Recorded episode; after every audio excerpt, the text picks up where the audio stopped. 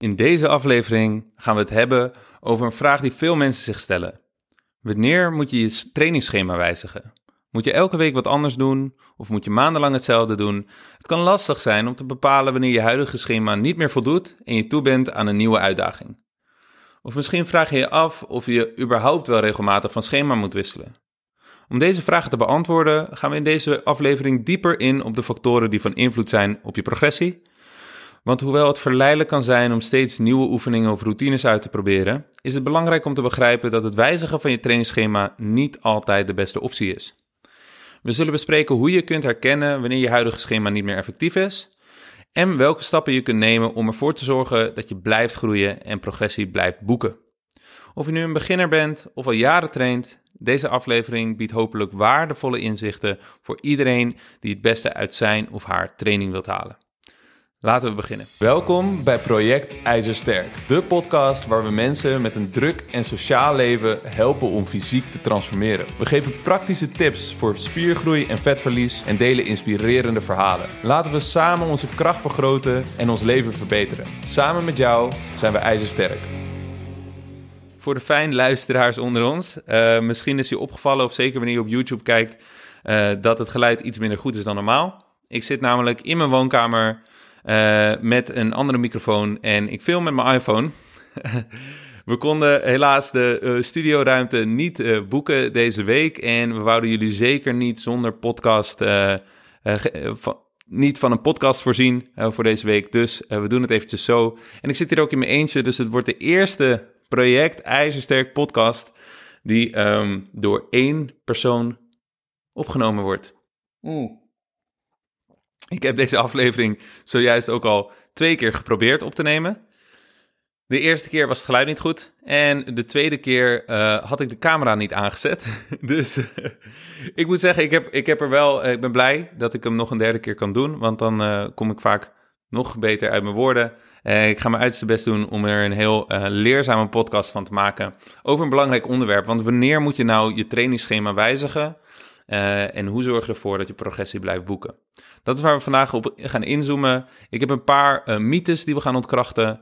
Ik heb een paar belangrijke, uh, we gaan factoren doornemen die van invloed zijn op je progressie. En we gaan de belangrijkste redenen om je programma te wijzigen doornemen en hoe je dat precies doet. Nou, we beginnen even met die factoren die van invloed zijn op je progressie. De allereerste is eigenlijk een principe dat heet directed adaptation. Uh, dat wil zeggen dat ons lichaam zich aanpast op basis van het signaal dat we geven. En als dat een ja, wisselend signaal is, als dat een signaal is met heel veel ruis, als dat een onduidelijk signaal is, dan zal het lichaam dus ook niet optimaal aanpassen. De aanpassing, de adaptatie die we willen, uh, teweeg willen brengen met de training die we doen, in dit geval is spiergroei of krachttoename, zodat je een ja, gespierd en atletisch lijf kweekt. Dus um, uh, om die directed adaptation teweeg te brengen, moeten we de juiste training doen voor dat resultaat. En we moeten dat signaal sterk genoeg en consistent genoeg, zonder ruis, uh, aanbrengen, zodat je lichaam daarop gaat reageren. Om even een voorbeeld te noemen van een slecht uh, of een, een, minder effectief signaal voor spiergroei is bijvoorbeeld cardio. Cardio geeft wel een signaal aan het lichaam en dat zorgt namelijk dat je cardiovasculaire systeem gaat uh, adapteren, gaat verbeteren, maar je gaat er niet per se van groeien. Dus wat we moeten doen, specifieke training voor spiergroei. Dan het uh, tweede principe is de wet van de verminderde meeropbrengst. Dat wil zeggen dat als jij um, een, een signaal stuurt, dat als dat signaal onveranderd blijft, als dat elke week exact hetzelfde is, als die training exact hetzelfde, dezelfde oefening, hetzelfde reps, hetzelfde gewicht, alles hetzelfde, dan treedt de wet van de verminderde meeropbrengst op. Dat wil zeggen dat het effect van dat signaal, het resultaat, de aanpassing, de adaptatie, de spiergroei, steeds minder zal worden wanneer je dezelfde training toedient. Het is ook eigenlijk heel logisch, want je wordt natuurlijk steeds beter in het uitvoeren van diezelfde training. Wordt steeds makkelijker en op een gegeven moment is het gewoon niet meer uitdagend genoeg om überhaupt iets van resultaat teweeg te brengen. Dus belangrijk om te internaliseren is dat het uh, lichaam zich aanpast. En dat betekent dat het programma dus ook gaandeweg aangepast moet worden.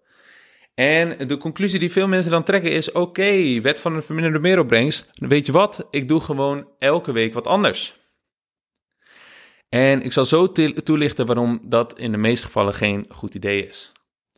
Kleine wijzigingen in het signaal, kleine uh, toenames bijvoorbeeld in de hoeveelheid reps, bijvoorbeeld in de hoeveelheid sets, bijvoorbeeld in de hoeveelheid gewicht, kunnen al uh, ervoor zorgen dat je die wet van de verminderde meeropbrengst tegengaat en dat je wel vooruit blijft gaan. Dus jullie hebben vast wel eens gehoord van uh, progressive overload. We moeten dus steeds ietsjes meer doen om ervoor te zorgen dat je uh, progressie blijft boeken. En, maar dat kan gewoon om dezelfde oefeningen, dezelfde reps zijn. Dat je gewoon net even wat meer gewicht doet. Of dat je juist net even wat meer reps doet. Of net even wat meer tijd. Dat is voldoende om die wet van de verminderde meeropbrengst tegen te gaan. En om ervoor te zorgen dat we vooruit blijven gaan in de meeste gevallen. Dan zijn er een paar mythes die ik gelijk even de deur uit wil helpen. Nummer 1 is shock the muscle. Um, onze, onze Amerikaanse vrienden die dit prediken, uh, nou ja, zijn, ik bedoel, het is een beetje een klassieke uh, mythe uit de bodybuilding scene, denk ik. Um, maar het idee ervan is dus, nou, als we nou elke keer iets compleet anders doen, dan uh, is dat zo'n schok voor het lichaam. dat het wel moet gaan aanpassen. Dus we doen elke week iets compleet anders. Andere oefeningen, andere reps, andere hoeveelheid gewicht, ander tempo, alles anders. Ja? Want dan deze week drie sets op de bench press, volgende week tien sets op de dumbbell press. Shock the muscle. Um, dat is om meerdere redenen niet zo'n goed idee.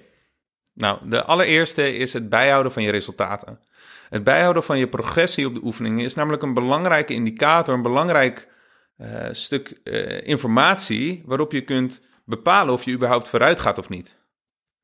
Als je dus uh, elke week wat anders doet, en stel je doet deze week de benchpress en je doet pas over 10 weken weer een keer een benchpress, maar dan op een andere hoeveelheid reps en, en een ander tempo, dan weet je dus niet of je vooruit gaat op de oefeningen. En dan weet je dus niet of je training überhaupt effectief is. Dus dat is reden 1. Reden 2 is dat je altijd even ja, eigenlijk moet wennen aan een nieuwe oefening. Dus wanneer je, je hebt vast wel eens gemerkt wanneer een oefening tijdens niet gedaan hebt, je doet hem weer, je gaat weer onder die benchpress stang liggen, dan merk je opeens, oh ja, het voelt, uh, voelt even anders om die stang te uh, stabiliseren wanneer ik een tijdje lang de chestpress machine heb gebruikt, of de Smith machine. Ik moet weer even wennen aan hoe ik mijn schouders precies neerleg op een plat bankje nadat ik een tijdje incline heb gedaan. Al dat soort dingen moet je even aan wennen en je zult dus ook weer even opnieuw uh, efficiënt moeten worden in de beweging. Dat wil zeggen dat als jij een oefening een paar weken achter elkaar gedaan hebt, dat je beter bent in het stimuleren van de spier, in het geven van dat signaal wat zo belangrijk is, dan wanneer je elke week wat anders doet. Je wordt beter in de beweging, daardoor kun je hem uh, meer gericht uitvoeren en kun je de spiergroei beter stimuleren. Als we elke keer wat anders worden, zit je eigenlijk vast in een soort van ballenbakfase van de oefening en kun je niet het optimale eruit halen Hoogstwaarschijnlijk. Heel erg bedankt voor het luisteren van deze aflevering. We nemen even een korte pauze voor het volgende verzoek. We hebben geen sponsors op deze podcast en we draaien hiervoor geen advertenties. De enige manier waarop dit groeit is door mond-tot-mond reclame. Als jij waarde haalt uit deze podcast, dan ken je vast ook anderen die onze content kunnen waarderen. Wellicht zou je het kunnen delen op social media of met vrienden of familie. We zijn je eeuwig dankbaar. Terug naar de podcast. Volgende mythe. Spierpijn staat gelijk aan een effectieve training. Nou, die kunnen we heel makkelijk door ontkrachten met bijvoorbeeld het uh, volgende voorbeeld. Uh, ik weet niet, als jij, als jij niet aan hardlopen doet, dan daag ik je uit om morgen 8 kilometer te gaan rennen. Of 5 is ook wel voldoende. Uh, eh, 5 kilometer rennen en dan check of je spierpijn hebt de dag daarna. Hoogstwaarschijnlijk, ik beloof je zelfs dat je spierpijn zult hebben. Maar dat betekent niet, tenzij je natuurlijk heel regelmatig hardloopt, hè, dan gaat dit niet op. Maar als jij nooit hardloopt en je gaat hardlopen, dan zul je spierpijn hebben. En dan weten we, kijk, jij, jij weet ook wel dat hardlopen uh, geen effectieve training is voor spiergroei. Maar het heeft toch spierpijn gegeven. Dus we weten al van oké, spierpijn is niet één op één met effectieve training. Want je kunt ook spierpijn hebben van het tennissen. Of uh, spierpijn hebben van het, uh, weet ik veel, worstelen. spierpijn hebben van het boksen. Uh, en, dat betekent dus nog niet dat dat een effectieve trainingsvorm is. Uh, spierpijn op zichzelf is niet, ook, uh, niet per se een belangrijke drijfveer voor spiergroei. Uh, een veel belangrijkere drijfveer is namelijk mechanische spanning. En nou ja, daar zoomen we misschien in een andere podcast dieper op in. Ehm, maar spierpijn staat gelijk aan effectieve training. Nee, dat is niet zo. Je kunt spierpijn meer zien als een ja, bijproduct van de training. Het zegt wel degelijk wat over ja, hoe, uh, hoeveel belasting je hebt gehad. En dus stel je voor, je doet op maandag uh, eh, 10 setjes uh, benchpress. En op donderdag ga je weer je borstspier trainen, maar je hebt nog gierende spierpijn. Nou, dan is die belasting op maandag misschien net even te veel geweest voor je herstelcapaciteit. Dus op die manier kun je er wel wat van informatie uithalen. Maar als jij geen spierpijn hebt van je training, dan betekent dat niet dat die training niet effectief is geweest. En als je heel veel spierpijn hebt van je training, dan betekent dat ook niet uh, dat, die, dat die training echt super effectief is geweest. Dus, dus um, ik denk ook dat daar een beetje vanuit die misvatting mogelijk vandaan komt. Dat mensen denken, ik moet elke week wat anders doen. Want een goede manier om altijd spierpijn te hebben, is elke keer wat anders doen. Namelijk wanneer je een oefening een tijdje niet gedaan hebt en je doet hem weer, dan zul je veel meer spierpijn hebben. Naarmate je een oefening vaker doet, eh, heb je minder en minder eh, spierpijn. Dat noemen we de repeated bout effect. Um, Oké, de spierpijn staat niet per se gelijk aan effectieve training. Zegt wel wat, maar het zegt niet alles. Um, dan, de belangrijkste redenen om je programma te wijzigen. Nou, wat zijn dan wel belangrijke redenen om je programma aan te gaan passen? We hebben er drie of eigenlijk vier. Um, daar gaan we. De eerste is blessures of pijntjes. Als jij ongemak hebt, als jij uh, irritaties hebt, als je gewoon daadwerkelijk klachten hebt, uh, die niet zeg maar spierpijn, verzuring of uh, mijn hond gaat nu op de bank zitten waar geen kleed uh, ligt. Maar oké, um, dat is leuk van de podcast thuis natuurlijk. Dat je de mascotte erbij hebt. Um, oké, wat was ik aan het zeggen? Uh, blessures bij jou. Dus als je ongemak hebt, uh, wat niet uh, spierpijn of verzuring of dat soort zaken is, of pomp, ja, dan moet er gewoon wat veranderen. Betekent niet dat je hele programma om moet gooien. misschien is het simpelweg iets van je techniek. Misschien ben je gewoon net even te snel van stapel gegaan. Trainde je eerst twee keer in de week en dacht je toen, oh, ik wil fit worden voor de zomer, dus ik ga nu zes keer in de week trainen. Ben je gewoon veel te snel, veel te veel gaan doen. We hebben hier een hele interessante podcast over opgenomen recent met Thomas Mulder. Uh, blessures en krachttraining volgens mij uh, heet die. Uh, dus scroll daar vooral eventjes heen na het luisteren van deze podcast als je daar meer over wilt weten. Maar in ieder geval goed om te weten, blessures, pijntjes moeten wat veranderen. Niet gewoon doorduwen. Oké. Okay. Verveling. Misschien een beetje een controversiële.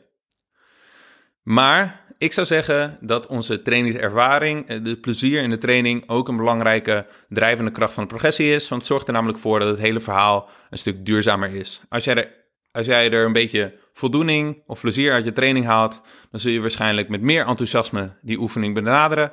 En waarschijnlijk beter presteren. En in ieder geval makkelijker regelmatig opkomen dagen in de gym. Dus ga je je helemaal kapot vervelen tijdens de training en was dat eerder niet zo? Nou, dan is het misschien tijd om wat te veranderen. Betekent niet dat je hele programma moet omgooien, maar daar komen we zo direct op terug.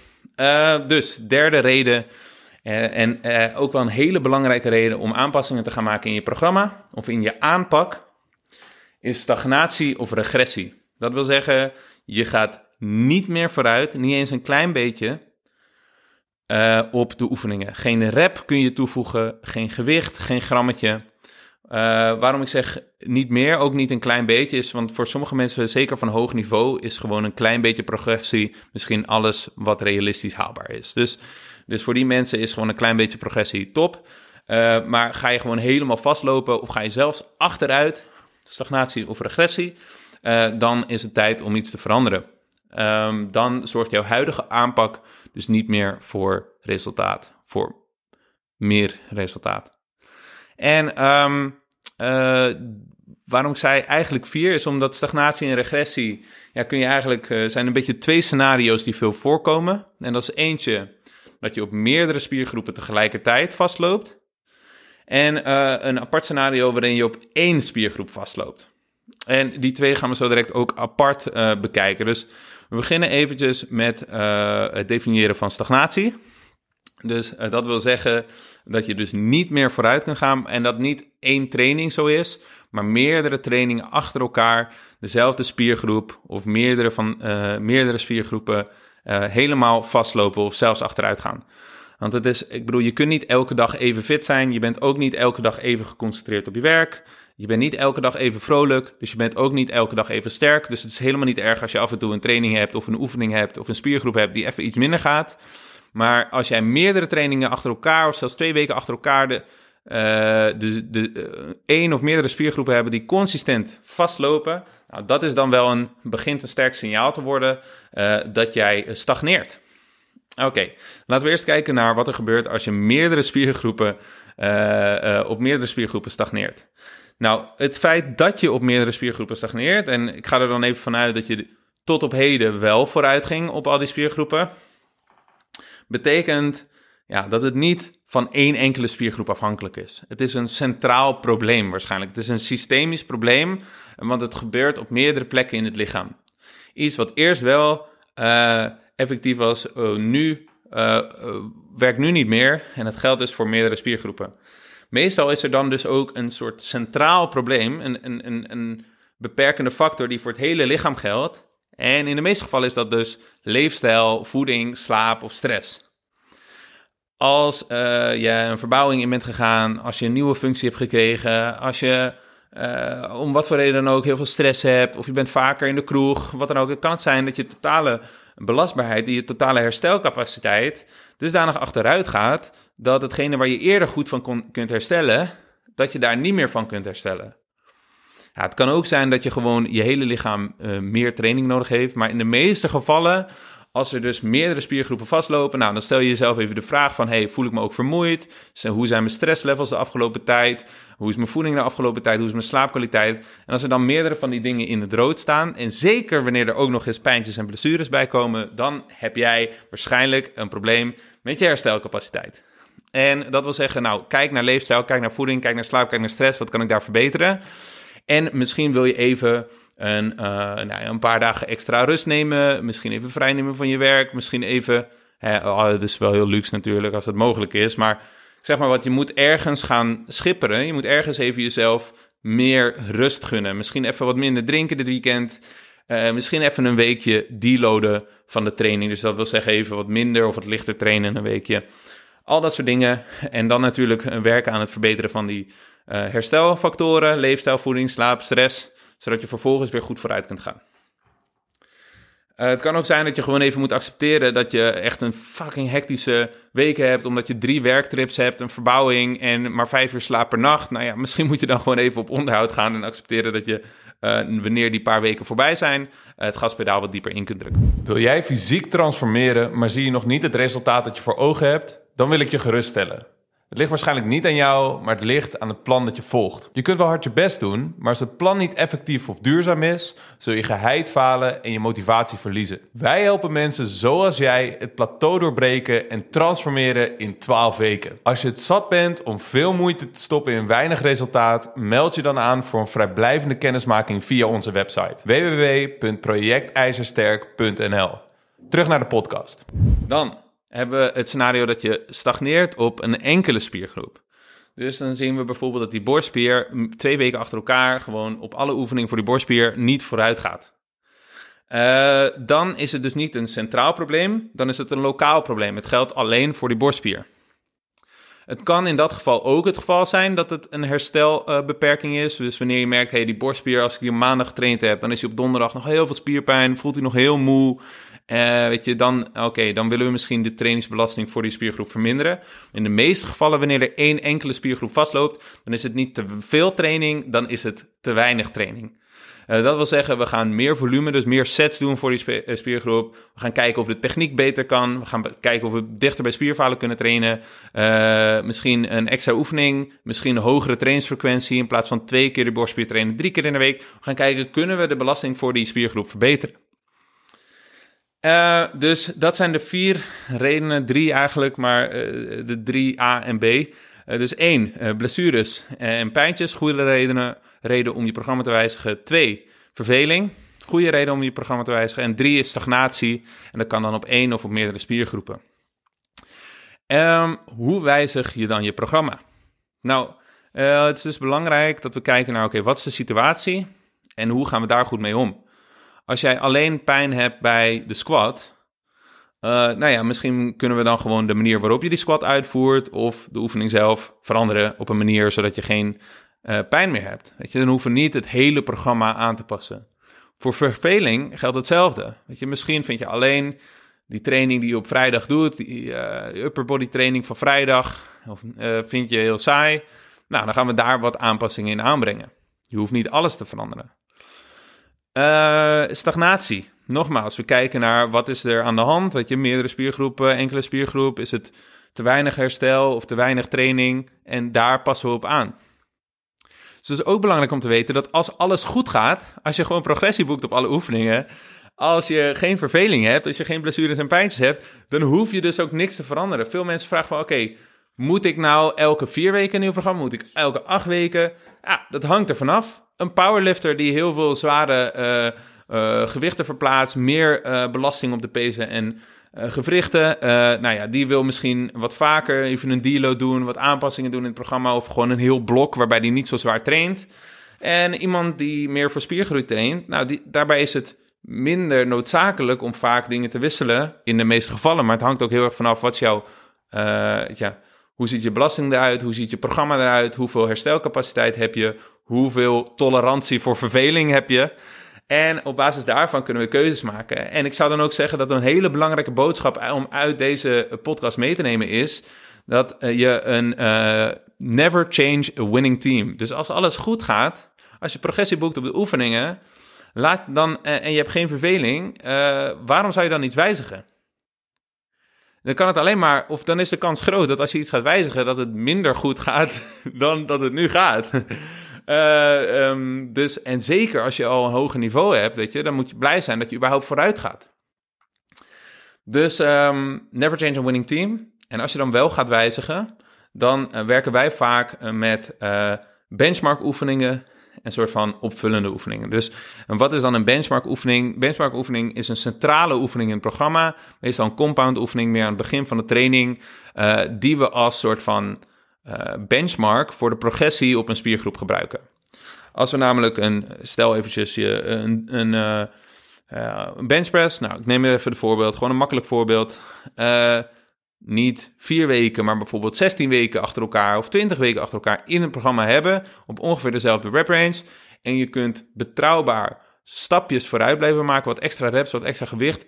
Niet vier weken lang, maar 16 weken lang. Nou, dan is dat wel een hele sterke indicatie uh, dat je aan het groeien bent en dat je sterk aan het worden bent. Als je elke vier weken je oefening wisselt en dus ook die benchmark oefeningen alles omgooit, nou, dan heb je die indicatie niet. En want nogmaals, die eerste vier weken ben je waarschijnlijk gewoon beter aan het worden in de oefening. En zegt die progressie in het gewicht niet zo heel veel over of je daadwerkelijk aan het groeien bent of niet. Dus wij werken vaak met, probeer die, die centrale oefeningen langere tijd in je programma te houden. Zeker wanneer ze gewoon vooruit gaan. En dan is het dus ook wel heel makkelijk. Uh, en dit, hier heb ik mezelf als uh, personal trainer vroeger ook schuldig aan gemaakt. Niet dat ik daar heel bewust van was, maar inmiddels wel is wat trainers uh, makkelijk kunnen doen om een soort van progressie te fijnzen bij een, bij een klant is. Gewoon elke vier weken alles anders doen of elke zes weken alles anders doen. Dan heeft die klant zes weken lang, gaat hij vooruit op de oefening omdat hij gewoon er beter in de uitvoering wordt. Uh, maar die progressie zegt dan eigenlijk niks over de mate van spiergroei die je hebt gerealiseerd bij iemand. Uh, en dan na zes weken ga je gewoon weer alles anders doen. En dan kunnen we weer zes weken progressie boeken. Maar dan zul je over tijd zien dat wanneer je na een half jaar weer terug bij dezelfde oefeningen komt, dat er eigenlijk niks veranderd is. En dat is heel erg zonde natuurlijk wanneer je er pas over een half jaar achter komt. Dus door te werken met die benchmark oefeningen die we er langere tijd inhouden, uh, heb je een ja, indicator van je progressie. En dan kun je spelen met de minder belangrijke oefeningen, vaak isolatieoefeningen later in de training, om die verveling tegen te gaan, om met blessures en pijntjes om te gaan, om die stagnatie uh, te beïnvloeden. En je kan ook gewoon die benchmark oefeningen natuurlijk, weet je, uh, een extra setje doen. Maar um, wat, wat ik zou afraden is dus om regelmatig alles anders te doen. De belangrijkste boodschap om hieruit mee te nemen is never change a winning team. We hoeven niet elke keer wat anders te doen. Kleine stapjes omhoog in het gewicht, in het aantal sets, in het aantal reps, is voldoende om die wet van de verminderde meeropbrengst tegen te gaan en een consistent en duidelijk signaal naar het lichaam te sturen. Als we blessures of pijntjes hebben, als we verveling hebben of als er stagnatie is, dan moet er iets veranderen. Maar verander dan alleen wat er nodig is. Dus kijk echt van, hey, wat is hier de beperking? Is het mijn leefstijl? Zijn het mijn herstelfactoren? Of is het mijn training? Moet ik effectiever of meer trainen? Probeer daarmee enkele dingen aan te passen en te kijken, hey, wat voor invloed heeft dit op het resultaat? Zodat je ook echt weet wat er gebeurt en kunt leren voor de toekomst. Ik vond het heel leuk om deze educatieve podcast op te nemen op deze manier. En ik hoop dat jullie er wat van waarde uit gehaald hebben. Um, vergeet hem vooral niet te delen met de vrienden of familie. En um, heel erg bedankt voor het luisteren. Tot de volgende keer.